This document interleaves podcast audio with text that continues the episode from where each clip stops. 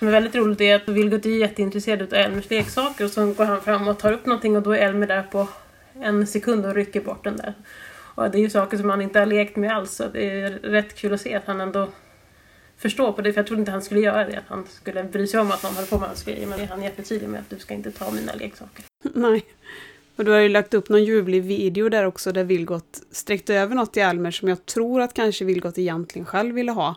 Ja, han skulle ta tillbaka det sen. försökte han byta tillbaka men det gick inget vidare. Nej, precis. Nej, men det är ju fantastiskt att se hur han tar kontakt med Elmer och jag tänker att det utvecklar Elmer jättemycket också att ha ett syskon.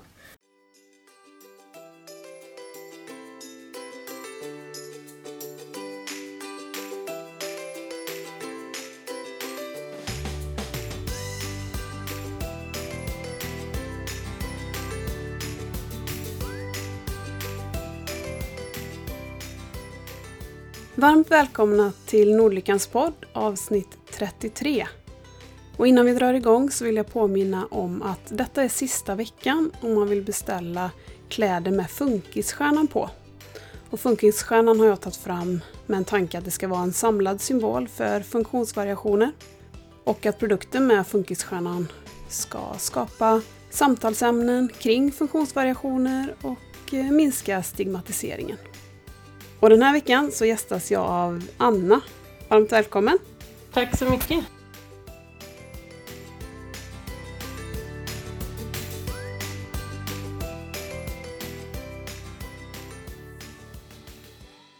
Och vi har ju lärt känna varandra därför att våra killar har båda två CDG-syndromet, fast olika varianter. Ja precis, jag kommer ihåg, alltså jag tror att jag hade följt dig innan men då trodde jag typ, eller då hade du kanske typ ett in, jag tänkte att det var så inrednings eller fotografkonto eller något. Och jag tänkte att du var uppe i Norrland också för att det hette Nordlyckans Nordlyckan men eh, sen, sen fick jag ju kontakt med dig när ni hade fått diagnos på Vide precis tror jag. Ja precis och jag tror att jag följde dig också innan, innan vi visste att vi hade samma syndrom. Och det var ju medan jag var på jakt lite sådär efter syndrom. Man letade och försökte hitta syndrom som man tyckte matcha. Eh, och då vet jag att du hade nog i din text där att ultrasällsynt syndrom eller någonting sånt. Så jag tror aldrig jag var ens... Alltså man tänker ju inte att ens barn ska få ett sånt sällsynt syndrom utan man letar efter de lite mer vanliga. Ja, nej men precis. Det var ju samma när, när, när, när Elmer liksom var, när, man, när de höll på att utreda honom, att man, man googlade på grejer så hittar man saker och sen så när man fick besked så var det ändå inte det utan det var nog ännu mer sällsynt än vad man själv skulle upptäcka någonstans. Och den varianten som Elmer har, vad, vad heter den och vad kännetecknar den? Ja, han har ju en variant som heter ALG13 CDG. Numera så benämner man ju dem i liksom genen där defekten sitter och sen så heter det CTG eftersom han har en defekt i en gen som heter ALG13.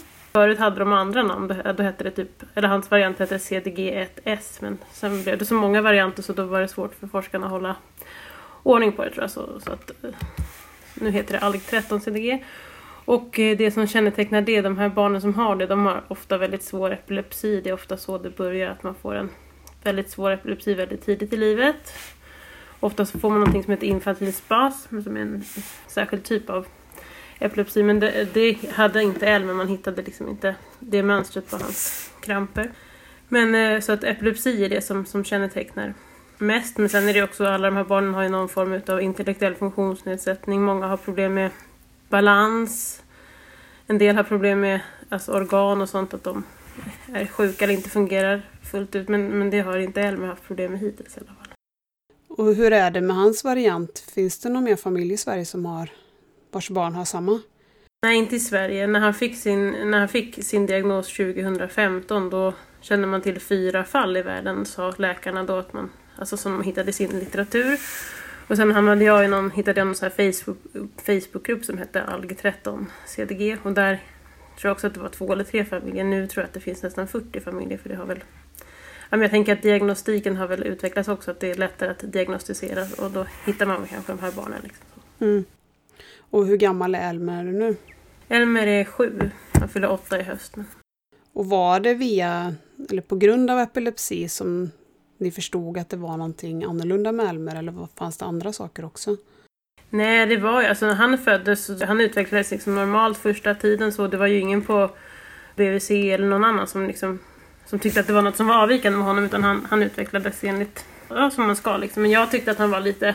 Alltså jag hade någon känsla av att det var något som inte stämde. För jag vet att vi var på babysim bland annat. Och alla andra barn som var där, de var så, när de kastade ut så leksaker blev de jätteglada och det var jättekul. Och han var så nöjd med att ligga och titta på lamporna i taket. Han var väldigt lugnt barn liksom. Så jag tänkte först att han var lite autistisk. Men jag vet jag frågade om det men de bara nej men han utvecklas fint och bra så det de var inte oroliga för honom men sen när han var åtta månader då fick han ett krampanfall när vi var hemma.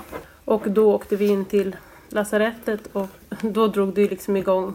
Alltså man, jag förstod att det var inte bra att få kramper när man var så liten liksom, så då det var ju direkt, vi fick flygas upp till Astrid Lindgrens barnsjukhus och från Gotland så det var ju ganska dramatiskt liksom, på en gång. Att det var något som inte var, var bra. Liksom. Sen förstod inte jag vidden av det då för jag, jag blev jätteledsen bara att han fick epilepsi så tänkte jag att det... Eller man blev ledsen bara av den diagnosen så men snart förstod man att det var något annat också, att det inte bara handlade om epilepsi utan att det, det var någonting mer. Ja, just det. Och har ni spenderat mycket tid på sjukhus med Elmer? Nej, ja, nej det har vi inte gjort. Så inte på grund av att han haft mycket anfall eller att han har varit sjuk så annars men han höll på med ketogen kost ett tag. Det är en behandling som man kan göra om man har väldigt svårbehandlad epilepsi. Och då, ja, det var så bökigt för när man får infektioner då, då blir det, alltså man inte typ vill äta och dricka, man blir väldigt snabbt sur i blodet och då blir man ju typ då blir det ju som att man har diabetes, man blir, liksom, alltså man blir förgiftad i blodet så då måste man ligga inne för att man måste vätskas upp. Då hade vi en period när han var han fick mycket infektioner hela tiden och då var vi tvungna att ligga inlagda. Så då, och jag tror vi blev inlagda dagen innan julafton och sen vi var väl hemma några dagar så där emellanåt men sen var vi nog inne nästan fyra månader tror jag för han, han blev bara sjuk igen med nya... Alltså det var bara typ förkylningar eller halsfluss och sånt men det blev ju... Eftersom vi inte kunde vätska honom hemma så var han tvungen att ligga inlagd. Och ketogenkost, är det att man plockar bort alla kolhydrater?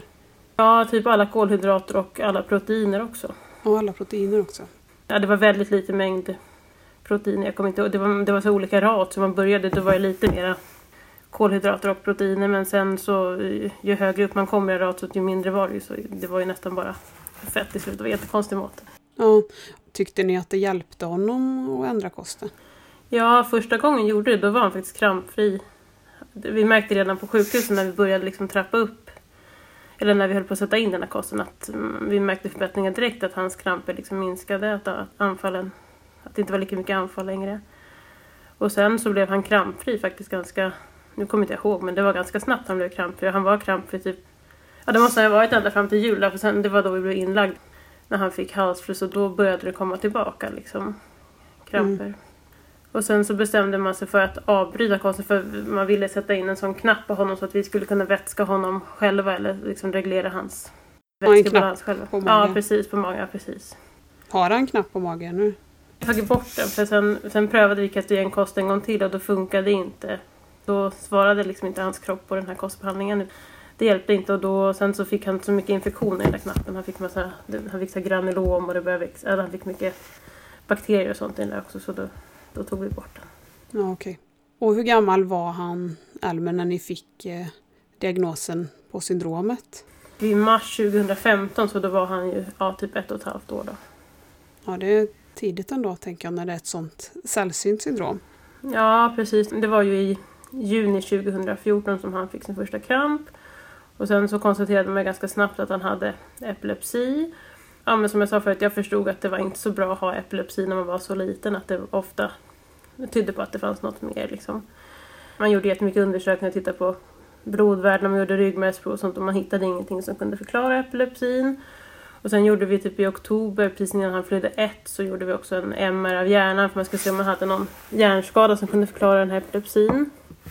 Och då sa de att det var inte så troligt att han har det för vi hade ju, alltså jag hade en bra graviditet och ingen konstig förlossning heller. Men, men det visade ju ingenting den här MR på hjärnan och då ville man ju göra en sån här äh, genetisk testning då som man gjorde en sån här helgenomsekvensering, att man tittar igenom alla gener som finns och så ser man om man får träff mot någonting och då hade man ju liksom ställt in den här äh, panelen eller vad man kallar för mot epilepsi då för att försöka hitta gener som gjorde det och vi lämnade det där blodprovet i december och sen tog det typ tre månader sen sa de att vi har hittat någonting här. Så.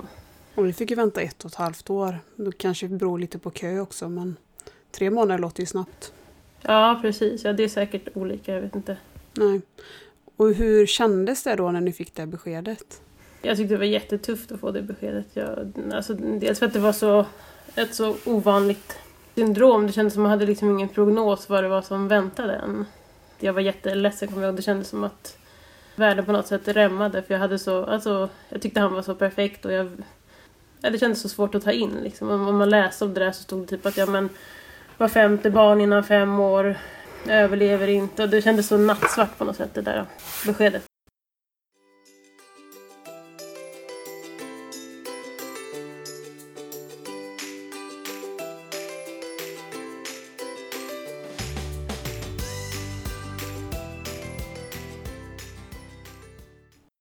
Och hur känner ni, eller hur känner du inför det idag?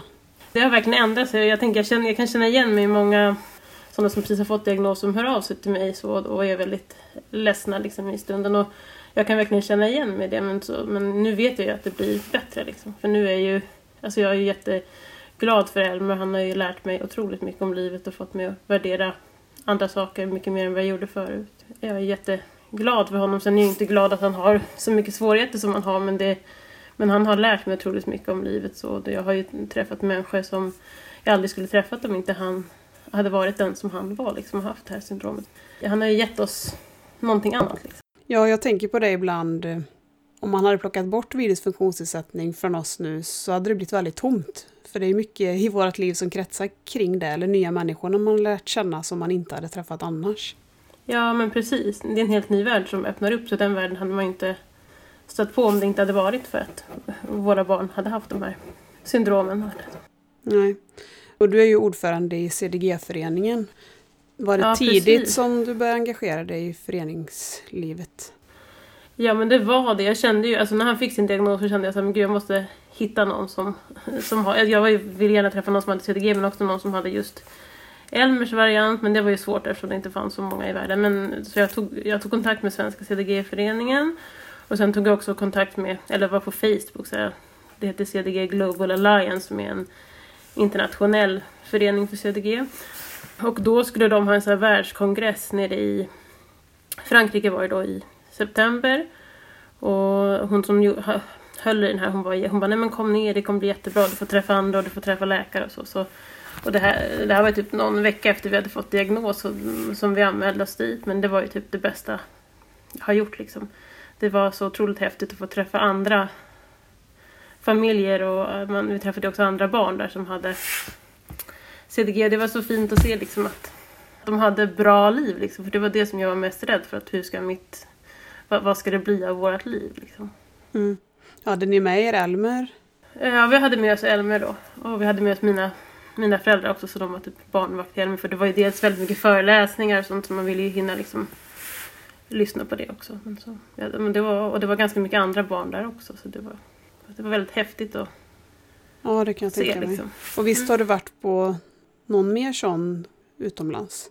Ja, precis. Sen var det, ju, det har ju varit vartannat år då, så då var, 2017 var vi också i, då var det i Belgien, i Löven var det också en sån konferens.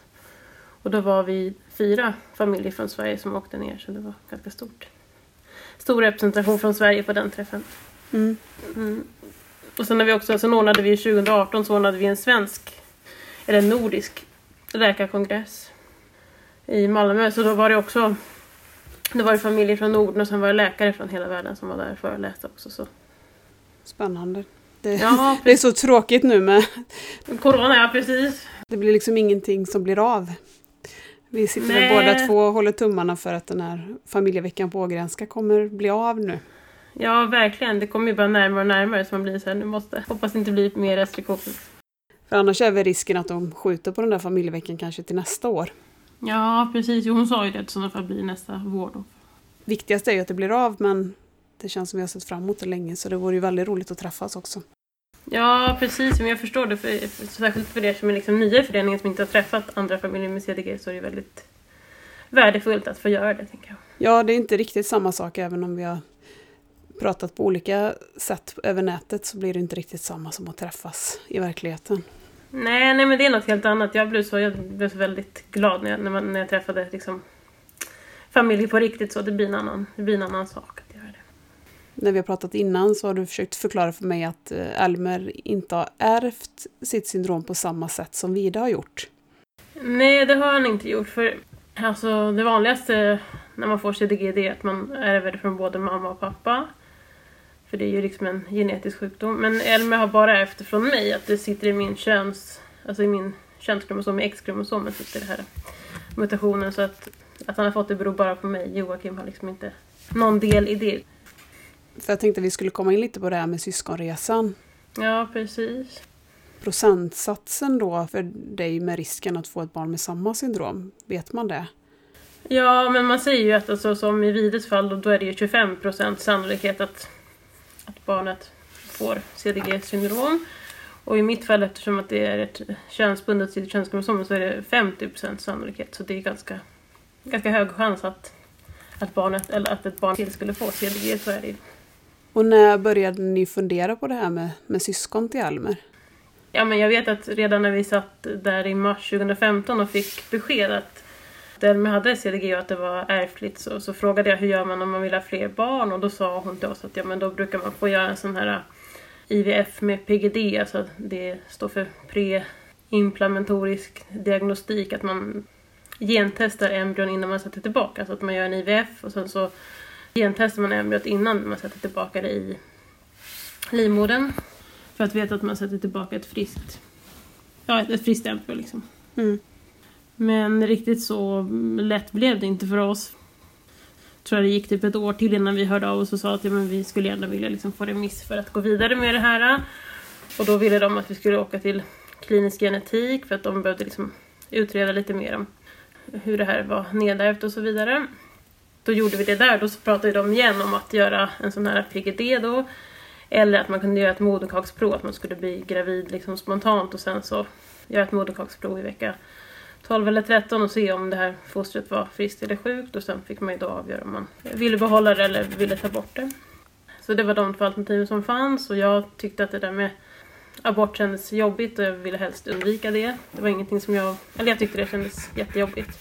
För jag visste att jag inte, jag visste att vi ville ha ett friskt barn. Det, var, det är inte så att jag inte älskar Elmer och så men jag, jag, jag ville verkligen försöka få ett friskt barn så det var ju, så jag visste att jag skulle ta bort det i sådana fall. Då tyckte jag att PGD var bättre för då, då, visste jag i alla fall att det var ett friskt ämne som man satte in. Men då sa de till oss att vi kan inte bevilja det för att Elmers mutation är så ovanlig så vi, kan, vi är inte säkra på att det är det här som gör honom sjuk så vi vill inte liksom... Eller vi, vi kommer inte bevilja att ni får göra en PGD. Så då återstod det att um, i sådana fall bli gravid spontant och sen göra en, ett mottagsprov.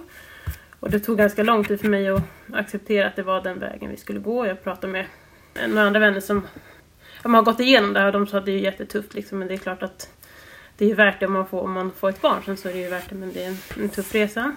Men om de inte kunde garantera att de kunde sätta in ett friskt embryo, hur kunde de då garantera att det blev rätt när man tog prov, moderkaksprovet? Nej, jag tror inte att de kunde garantera det, men... Eh...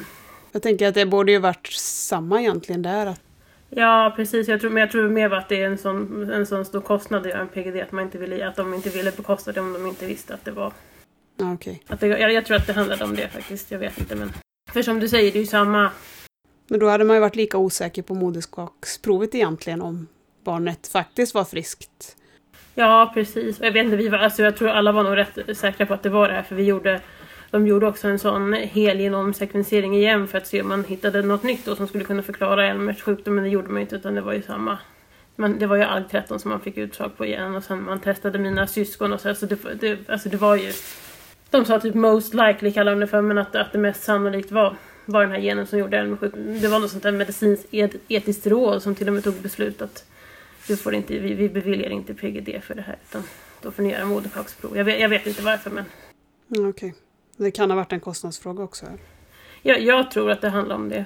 Jag ska inte säga för jag vet inte, jag orkade inte hålla på att driva det heller. Det bara, men... Nej. Ja, men sen det, det, tog ganska lång tid, men sen så tänkte jag vi får, om det här är vår väg till ett barn så får vi ju får vi köra på den vägen och försöka. Liksom. Då blev inte vi gravida. Alltså, det var inte så att vi försökte jättelänge, men vi blev inte gravida och jag var ganska stressad för jag var ju typ, vad var jag då, 36-37 år. Och jag tänkte, ska jag bli gravid och sen göra, ja, men göra abort och grejer? Jag vill inte, kan inte hålla på med det här hur länge som helst. Liksom. Så då hörde vi av oss till kvinnokliniken igen och då, då träffade vi en annan läkare och då sa han så här, men har inte funderat på äggdonation då, för då vet ni att det är ett friskt ägg liksom.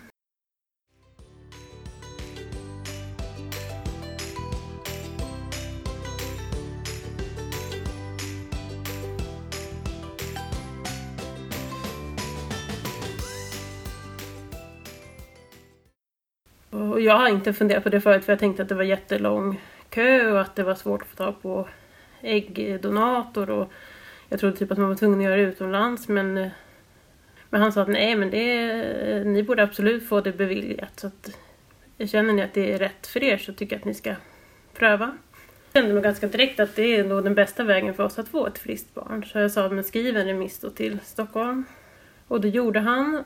Och sen sa de där att ja men det är lite det är lite kötid så men om ni kan bidra med en donator själv så kan det gå lite snabbare. Det var inte så att man skulle ha en donator som alltså vi skulle få ägga någon vi kände men att man skulle liksom göra en korsdonation att vi skulle bidra med en donator så skulle vi få ägg från någon annan då.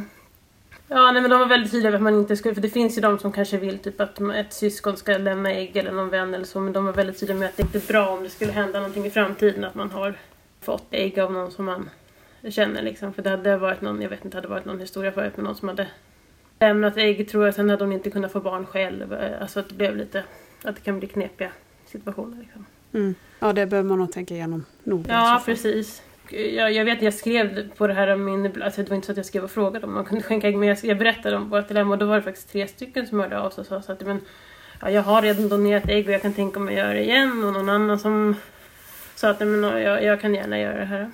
Det pratas ju inte så mycket om äggdonation. Man har ju någon uppfattning om att en del män donerar spermier, men... Nej, det gör ju inte det. Och jag tänker att donera spermier är liksom mycket lättare grej att göra än att donera ägg. För donera ägg krävs ju liksom att de här personerna alltså nästan genomgår en IVF själv. Man ska hormonbehandlas och det ska plockas ägg. Och det är en lite större och det är större liksom. uppoffring. Ja, precis. Alltså de söker, eller de söker aktivt efter donatorer. Så. Det var, I Stockholm är det inte så, så lång kö men jag vet att i Malmö var det ganska lång kö för att få ägg. Jag tror nästan var upp till ett år. Och hur blev det? Var det någon som ni kände då som... Ja det var det. Det var en vän till mig som sa att men jag, jag vill göra det här för dig. Liksom, jag vill hjälpa dig med det här. Jag har det som du behöver så jag gör det. Så hon hörde av sig till reproduktionsmedicin i Stockholm och så fick hon, alltså man ska genomgå en del tester och så innan man godkänns som äggdonator. Men eh, det gick bra. Så hon, hon lämnade ägg och sen så fick vi ägg från någon annan välgörare som jag kallar det för. Mm. Och hur funkar det då? Blir det som en IVF även för dig att du också fick genomgå hormonbehandling för att kunna ta emot det här befruktade ägget? Nej, det, behö- alltså det beror lite på vad man har för problematik. De som kanske inte kan bli gravida så då, då kanske man behöver göra det. Men i mitt fall var det att man skulle liksom invänta typ det skulle sättas tillbaka då eh, x antal dagar efter ägglossning så det var ju att man skulle ta lite ta ägglossningstest så det var ju inga svåra grejer så utan Nej okej, okay. man skulle bara tajma rätt tidpunkt. Ja precis, så det var väldigt för mig var det en väldigt enkel behandling så. Sen ska man mäta typ ja, men slemhinna och grejer men det var ingen, nej, men jag, det var ingen hormonbehandling eller så från min sida för min del så att det var en väldigt enkel resa på det sättet. Och hur gammal var Elmer då? Det här var ju 2019 19 så han var... Ja, sex år var han ju då. Tog det sig på första försöket för er? Ja, det gjorde ju det. det var helt, ja. Man hade ju ingen uppfattning, men det gjorde det så det var ju fantastiskt. Liksom. Att det gick så bra till slut. Ja, och Vilgot som är helt fantastisk. Hur gammal är han nu? Ja, han är snart 11 månader så det går fort. Ja, för jag såg att du hade börjat jobba igen så jag tänkte att det måste ju närma sig året då i alla fall. Ja, precis. Jo, han blir, han blir ett år i februari. Och hur tog Elmer det att bli storebror? Ja men det var ju svårt. Det var många som frågade så här hur, alltså när jag var gravid, så här, hur, ja, hur tror ni att Elmer tänker runt det? Jag, han är ju liksom inte verbal på det sättet så jag vet inte vad han... Alltså jag tänker han, han förstår mer än han kan uttrycka. Nu har ju Vilgot också i den åldern att han gärna vill interagera och han vill liksom, han vill ge grejer till Elmer och göra saker liksom så. Det, och, det, och något som är väldigt roligt är att Vilgot är jätteintresserad av Elmers leksaker och så går han fram och tar upp någonting och då är Elmer där på en sekund och rycker bort den där. Och det är ju saker som han inte har lekt med alls så det är rätt kul att se att han ändå förstår på det. För jag trodde inte han skulle göra det, att han skulle bry sig om att någon höll på med hans grejer. Men det är han jättetydlig med att du ska inte ta mina leksaker. Nej. Och du har ju lagt upp någon ljuvlig video där också där Vilgot sträckte över något i Elmer som jag tror att kanske Vilgot egentligen själv ville ha. Ja, han skulle ta tillbaka det försökte han byta tillbaka men det gick ju inget vidare. Nej, precis. Nej, men det är ju fantastiskt att se hur han tar kontakt med Elmer och jag tänker att det utvecklar Elmer jättemycket också att ha ett syskon. För när Tuva föddes, Vida hade ju väldigt svårt med kroppskontakt med henne. Han tyckte det var oerhört jobbigt om hon kom för nära. Okej. Men det har inte varit någon, någonting sånt att han har reagerat.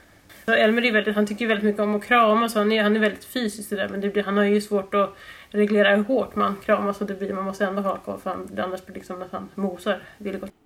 Och hur tänker du kring det här med att vara syskon till ett barn med funktionsnedsättning? Nu är han ju så liten men Nej, men jag tänker att det, att det är viktigt att vara medveten om det. Att det blir ju...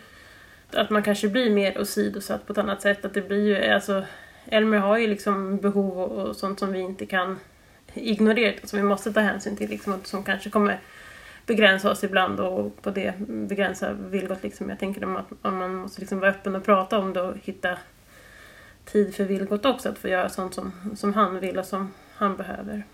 mm. Men sen tror jag också, jag tänker att alltså många syskon som, eller jag hoppas i alla fall att han, att han blir empatisk och att han får en förståelse för alla, att alla människor är olika, att vi har olika behov och att vi behöver hjälpas åt. Liksom. Jag hoppas att, han, att det, det på något sätt kan hjälpa honom också att bli en bättre människa liksom, som jag känner att man själv kanske har blivit genom att man har gått igenom det här. Eller, vi har ju människor runt omkring oss som ofta tar med sig Alve på, alltså storebror då, på lite olika aktiviteter själv. Nu har ju. Tuva varit så liten så att hon har inte varit med men de har varit kanske på bio eller cirkus eller och då nästan alltid när Alve kommer hem så brukar han säga att Mamma, jag tror att Vida tyckte det var jätteroligt. Så att han kan liksom inte ändå inte riktigt njuta av att han har fått åka jag har själv. fått göra något själv. Nej, Nej. jag tror att jag har också hört det för jag lyssnade på någon, det kanske var också någon podd som handlade om skuggsyskon. Det var också så tydligt att man liksom, de skulle åka till fjällen själva och så var det så här, men nej, jag tror säkert att han också vill följa med. Att det, var, det där är ju svårt liksom.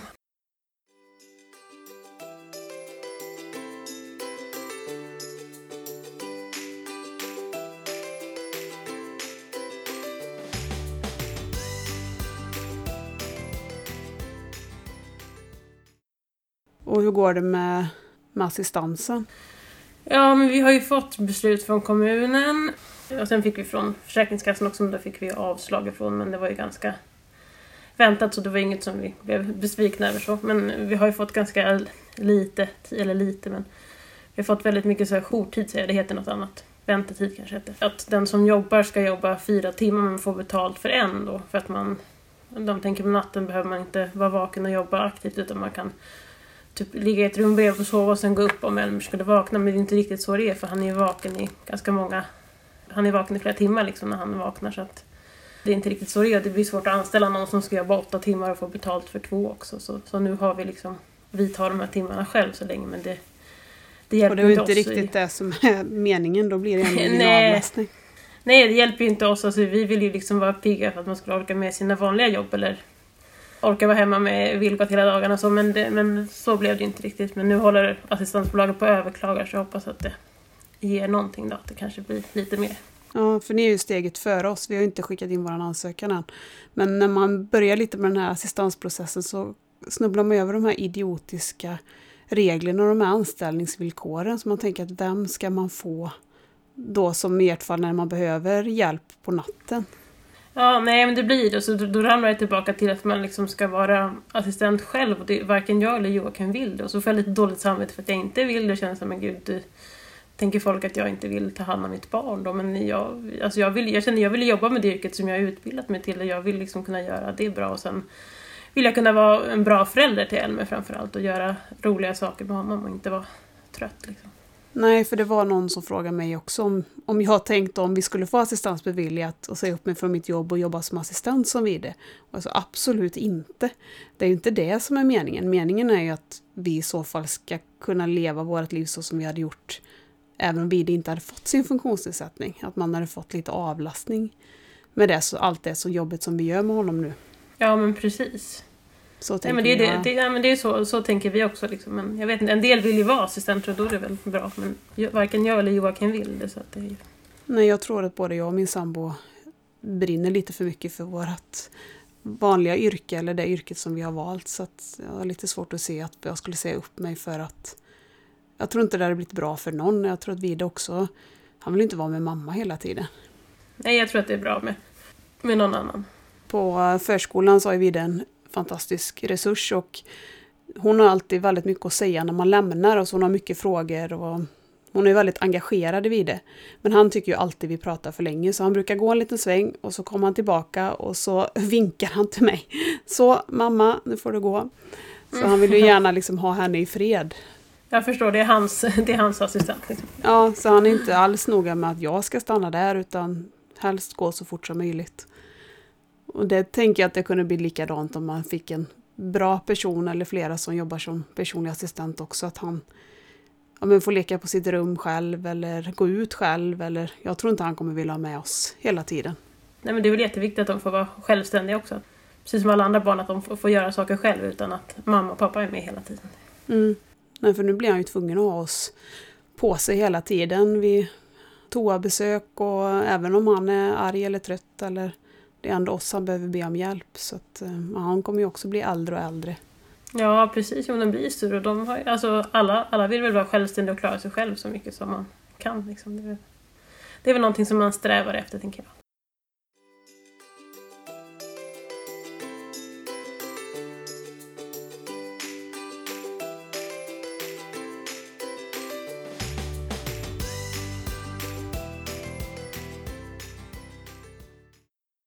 Och sen har du startat ett jättefint eh, initiativ här under hösten. Och då tänker jag på Funkisfika.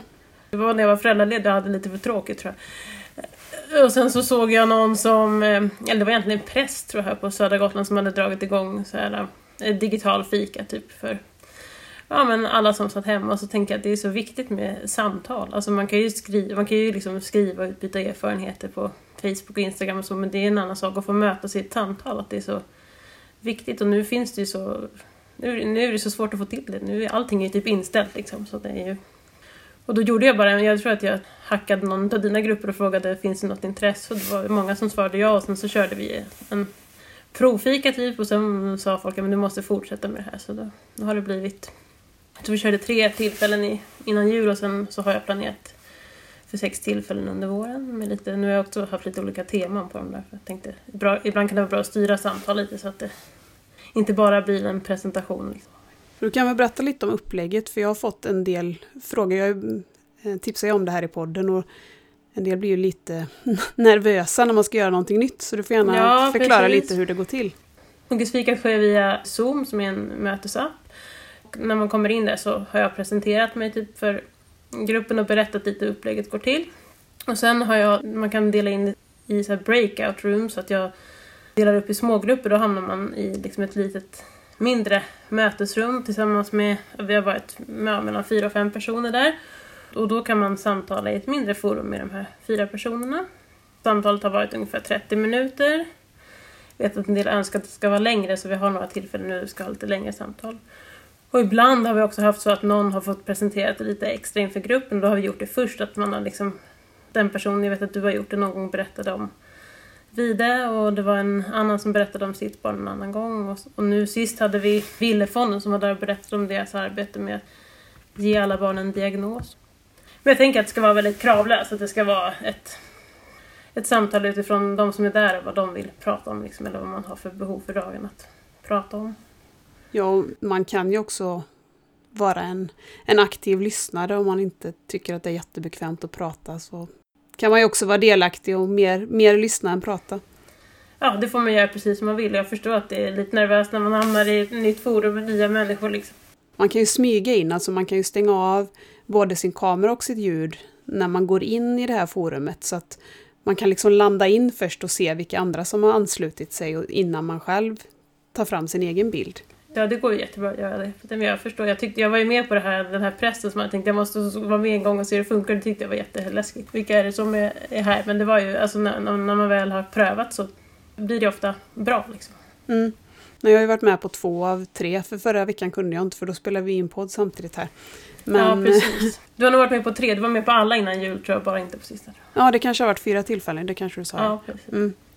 Jo, den här, den här stunden som man pratade gick ju hur fort som helst, även när du hade förlängt tiden lite. Så det är ju precis som med den här podden, man tänker så här innan att oh, prata upp mot en timme, det vet jag inte hur man kan fylla ut, men det gör man nästan varje gång ändå.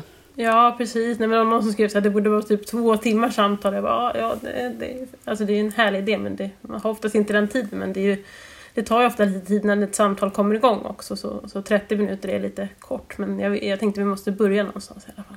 Precis, och det beror ju lite på vilka man hamnar med, om det blir lite trevande eller inte också. Nej, precis. Och det kan ju vara, om man vet att man har två timmar så kan ju det kännas, bli pressande också för man vet att hur ska vi hålla igång ett samtal så länge. Liksom. Det är ganska lagom tycker jag när man kommer in med en grupp om tre, fyra, fem personer. Då får ändå alla möjlighet att prata om man vill. Nej, men jag tror att det är ganska lagom form. Jag tänkte att eller man får ju pröva sig fram. Det är ju funkisfikat, det är ju det är en ny grej så man får hitta formerna för Men jag tänkte ibland att man kanske ska byta grupp och fortsätta samtal om man nu vill ha ett om man vill ha rent samtal någon gång. Vart man ska. Ja, just det. Och om man är nyfiken på detta och vill delta, hur, hur hittar man det? finns det som evenemang på Facebook så att om man söker på Funkisfika där så finns de träffarna som är under våren upplagda och då kan man ja, anmäla sig där så får man ju typ notis när det börjar närma sig. Jag brukar lägga upp lite info. Ibland har jag gjort någon gång att jag har bestämt grupper innan för vi, vi hade något tillfälle där vi pratade om skola och då kanske man då tänkte jag att det var bra att, ha, att man hamnade i rätt åldersspann liksom, så de som ville prata om förskola fick göra det och de som ville prata om skola hamnade i en grupp. Ja, då valde jag skola för jag tänkte att då kan man passa på att få lite tips, tips och råd och sådana som har gått före. Ja men det är, det är bra att få tips. Ni har inte så långt kvar till skola, eller hur? Nej, vi fyller fem nu. Jag vet inte riktigt när man gör skolvalet men det är nog nästa höst kanske som... För jag har hört våra kompisar på gympan då, det är några som har barn som är ett år äldre, att de har varit på möten med vilka det nu är. Ja, HUB kanske eller? Ja, men med, med kommunen. Någon skolförvaltning eller någonting sånt där. Mm -hmm. Jag vet inte exakt vad det heter men... Nej, jag vet, det är Just säkert olika. Man, ja, om man vill ha uppskjuten Ja, ja den biten. Om, om man ska, man ska ja, man, ja, precis. Åh oh, nej, då måste man Men hur gjorde ni? När började Elmer skolan? Ja, han började nu i höst, så han började i ettan i särskolan. Men vi ville ju att han skulle få börja, vi ville att han skulle börja förskoleklass i särskolan, för vi har ju inte varit nöjda med hans förskola överhuvudtaget. Så vi jobbade stenhårt för att han skulle få en plats på särskolan. Vi fick nej på det då. Och, då, att sätta honom i en vanlig förskoleklass, det var ju liksom inget alternativ. Så då, då, var, då fick han vara kvar i förskolan. För här i Borås har jag förstått att de helst inte beviljar ett år till på förskolan. Helst vill okay. de ju då såklart att man ska mellanlanda i förskoleklass men det är ju inte heller aktuellt för vidare. Det alternativet kommer vi inte acceptera. Så. Nej men det, det, går ju inte, det, är liksom inte, det känns ju inte vettigt någonstans att göra det. Alltså okej, okay, man var på gränsen så här, och tänker att man kanske inte behöver gå i särskola, man kanske kan gå i liksom vanlig klass några år eller läsa integrerat, då kanske det är en bra grej. Men ska man liksom, i Elmers fall, han läser ju liksom han läser ju inte ens skolan, men han läser ju sådana ämnesområden, alltså typ träningsskola kallar man det för förut. Att han skulle gå i en vanlig klass, det, det är ju inte rimligt. Nej. Vad var det med förskolan som gjorde att ni inte var nöjda? Ja, det var jättemycket saker. Men vi, alltså, vi ville ju typ, det fanns en sån specialförskola inne i Visby för barn som hade fler funktionsnedsättningar där jag tror han hade haft det jättebra men där fick han inte heller plats. Utan han gick i vanlig förskola och det var ju det ville vi från början men man lyckades aldrig riktigt möta upp hans behov på något bra sätt. Liksom. Det, var, det har varit så mycket saker så jag vet inte vad jag ska börja med. Nej. Man kanske vill glömma det också när man har gått vidare. Det blev ett sånt lyft för honom när han började på särskolan. Så där, där kunde man liksom möta hans behov och han får chans att utvecklas där han är. Jag, jag tyckte på förskolan, det var, han fick liksom anpassa sig efter det som de gjorde. Det var inget som var liksom utifrån honom på något sätt. Nej. Och vad var det som gjorde att han inte fick plats på specialförskolan? Var det platsbrist eller prioriteringsordning? Eller? Ja, det är ju, man hamnar ju alltid i det här att det inte, när det inte är reglerat i lag så kan man liksom inte kräva någonting för den, den där fanns ju och det fanns typ fem platser och det var fullt och sen så tyckte vi att ja, men han har ju behov och det tyckte väl habiliteringen också. Man kanske borde utöka platser men de var ja men det, han skulle kunna ha det lika bra på en vanlig förskola så det, vi får stötta upp på något annat sätt men det blir ju inte det blir inte samma sak. Jag vet att på den förskolan i stan de har ju varit och haft sånt här terapibad en gång i veckan liksom. Och han Elmer älskar att bada och vi försökte ju få att han kunde gå och bada med förskolan typ för det, den låg precis bredvid simhallen men det gick ju inte att ordna så. Utan, så det blir ju inte, det blir inte likvärdigt. Liksom. Nej, för vi fick också den frågan, jag tror att det var någon på HUB, sådär, att om han gick på specialförskola. Och då tänker jag att, att barn som går på den har ännu lite mer behov än vad vi idag har. För jag tänkte att vi aldrig funderat ens på om det hade varit ett alternativ. Nej, nej vi, var, vi var och tittade på den här specialförskolan när vi skulle sätta honom i förskola. Så, men då, jag förstod ju kanske inte vidden av Elmers problematik då heller. För jag tyckte liksom att han borde kunna gå i en vanlig förskola. Det borde ju fungera om man kan anpassa efter honom. Så, men, men för oss har det... Alltså, jag, jag märkte typ när han kom på kortis att det var ett helt annat bemötande. Liksom, att man verkligen jobbade med att utveckla Elmer. Liksom, det tycker jag inte att man har gjort på förskolan. Men. Sen hade Elmer lite, eller otur vet jag inte, men han har också bytt han gick ju på en förskola sen så när vi började prata om att vi ville att han skulle börja på någon, liksom, han gick på småbarnsavdelning, att han skulle börja på äldreavdelning.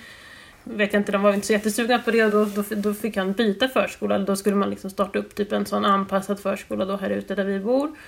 Eller det var ju fortfarande i Hemsö men på ett annat ställe. Så då, då fick han byta, så var det ny miljö. Och sen när han hade varit där typ ett år kanske, eller det var inte ens ett år, ja. Då bestämde man att man skulle lägga ner den där förskolan och att man skulle öppna en, eller den förskolan skulle öppna i en annan lokal, så då fick han byta förskola en gång till. Och, just miljöbyten är inte så jättebra för honom som har svårt att orientera sig och liksom har ett, ett ganska stort behov av att känna igen saker, så det har inte heller varit så lyckat. Liksom. Nej, det blir ju en nystart hela tiden då. Ja, precis. Och ny personal och sånt, så det var... Ja. Och nu när han går i skolan, går han även på fritids på skolan? För jag har förstått att det är lite olika på olika ställen. Ja, han fick ju plats på särskolans fritids till slut. Det var mycket diskussioner om, om det också, för här tycker de att man ska gå på sin hemskola, men eh, alltså, det här fritidset är anpassat till samma personal, han har sina hjälpmedel där, så jag, jag är jätteglad att han får, får gå på fritids på särskolan. Men det som är lite struligt är att här, alltså, i vissa kommuner så erbjuder man då skjuts till och från eh, Alltså även från fritids. Det är, skolskjuts får man ju men inte från fritids får man ju normalt inte. Men när man är inskriven i särskolan så erbjuder många kommuner att man kan få skolskjuts i alla fall till och från fritids. Men det har inte, det har inte Region Gotland erbjudit utan då måste vi hämta honom och lämna honom och när det är lov då. Det blir ganska långt för vi har sex mil enkel väg in till särskolan så det är 24 mil en, en lovdag vilket är ganska långt att sitta och köra. Ja, för ni jobbar inte i Visby utan ni jobbar där ni bor. Ja, precis. Vi mm. jobbar ju här ute där vi bor. Ja, så det gör det lite svårt för oss. Eller vi, nu har jag ju varit föräldraledig så det har inte spelat så stor roll att han kommer hem typ kvart i tre och så. Men det blir svårt i, i höst där vi båda två ska jobba med våra riktiga jobb. Liksom att vara hemma så, så tidigt varje dag och, och sen när det är på lovdagar typ att man ska köra honom så långt. Och det tar ju mycket tid, det tar nästan fyra timmar att köra då. Man kör fram och tillbaka två vändor. Ja, just det. För vi har ju också, vi bor ju utanför Borås så att vi har ju, kommer också ha två mil men vi jobbar ju båda två inne i Borås så det blir ju inte riktigt samma sak för oss. Vi ska ju ändå in till Borås. Ska ändå dit, ja. Även om det blir en liten extra sväng så det inte det problemet för oss att vi behöver åka fram och tillbaka. Nej, precis. Nej, det är det som är dumt. Alltså jag vet inte. Nu har vi försökt, nu har jag skrivit till barn och utbildningsnämnden för jag tänker i alla fall uppmärksamma dem på att det här är ett problem liksom, för de som bor på landet. Han har ju skoltaxi. Och då åker han själv då eller har han någon med sig i taxin? Nej, han åker själv. För vi, vi sa ju typ att det kändes inte tryggt att han åkte själv men, men skolan vill ju inte bevilja någon som åker med. Och vi har ju ingen assistent som kan åka med själva så att... Eh, nej, så han åker själv där i, precis. För det har skolan bedömt att han kan göra. För sen fick ni beviljat färdtjänst Visst var det så? Så att han skulle kunna åkt färdtjänst från fritids och hem? Ja, precis. Jo, men då, för särskolans rektor och kuratorn sa att men ni kan ju söka färdtjänst då så kan han ju åka färdtjänst sen från fritids. Och då gjorde vi det, ansökte om det och sen så fick vi besked att ja, men han får beviljad färdtjänst men med ledsagartvång så han måste ha någon som åker med honom i taxin. Annars får han inte åka. Så att det blir ju... Ja, det blir jätteknäppt för han har ju alltså, han har ingen ledsagare och det går inte att få ledsagare beviljat för jag hörde av mig till såna LSS-handläggare och de sa nej, vi kan inte bevilja ledsagare för den typen av aktivitet så att nu har vi färdtjänst som vi inte kan utnyttja. Och det blir, för mig blir det lite konstigt, men han kan åka hem klockan två kan han åka med en taxi men vill han vara kvar till halv tre då, då kan han inte åka taxi hem för då får han inte åka själv. Det, men man hamnar i så mycket konstiga grejer så ibland vet jag inte om man ska skratta eller gråta. Ja nej men det är så knäppt. Jag bara, men han får ju åka skoltaxin, kan han åka själv? Hon bara, ja men jag tittar på andra regelverk. Liksom. Okay, ja. Men när ni sökte assistans, fick ni någon tid beviljad för den här resan då som ändå kommunen har sagt att han inte får göra ensam? Nej, det fick vi inte. Och då, där var ju Försäkringskassan de var ju väldigt frågande till det. Jag tror de till och med hade ringt till kommunen och sagt att ni måste kunna lösa liksom, skolskjuts hem. För annars blir det ju, måste jag ha massa assistanstid för det. Men nu fick vi ju inte någon tid från Försäkringskassan och i, i kommunens beslut har man inte tagit hänsyn till det här. Så jag vet inte. Nej. Ja. Så jag vet inte, fortsättning följer, vi får se.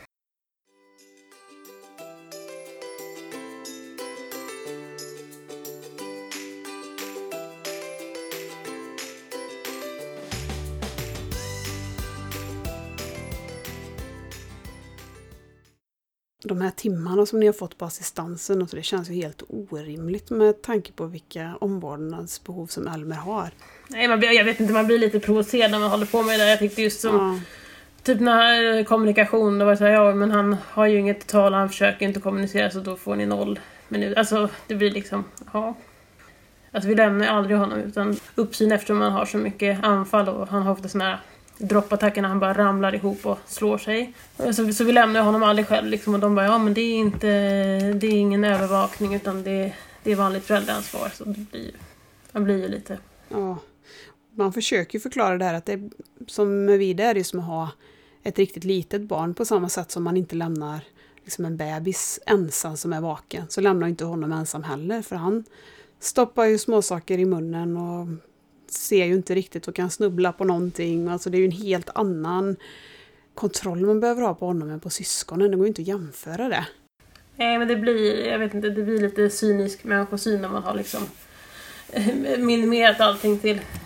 Alltså det var ju typ som klädesplagg, men det var bara underkläder, alltså det var bara inga ytterkläder ingick inte i grundläggande behov. Alltså det blir så konstigt liksom. Eller äta, det var bara att föra mat i munnen, inte att dela eller Ja, nej det är ju de här sakerna som gör att i alla fall vi har skjutit på att ens börja tänka på det här med assistans. För att det, jag vet ju att det kommer bli mycket sådana här saker längs med vägen. Och även om man skulle ha tur och bli beviljad från början så ska ju det omprövas efter en viss tid. Och det blir ju en livslång kamp kring detta känns det som.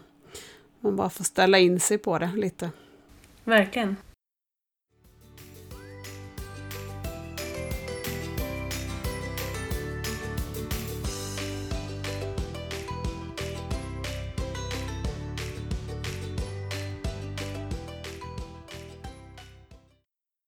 Hoppas eh, verkligen att vi kommer få möjlighet att träffas i år på antingen det ena eller andra Ja, men jag sättet. hoppas det. Nu var det så här, Eva som är kassör, hon bara men hur ska vi göra med familjeträffen? Jag bara, men det känns så långt fram. Svår, svårt att veta hur man ska tänka runt saker.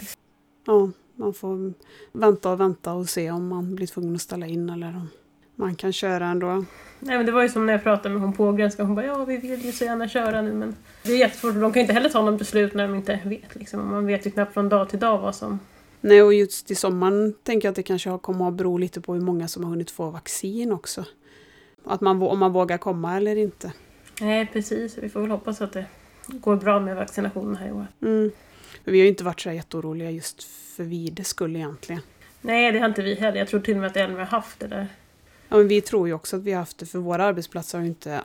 De har ju nästan varit som vanligt och barnen har varit i skola och sådär, så att vi har ju säkert blivit utsatta för det. Och vi har varit sjuka några gånger här under förra året och något av det var säkert corona.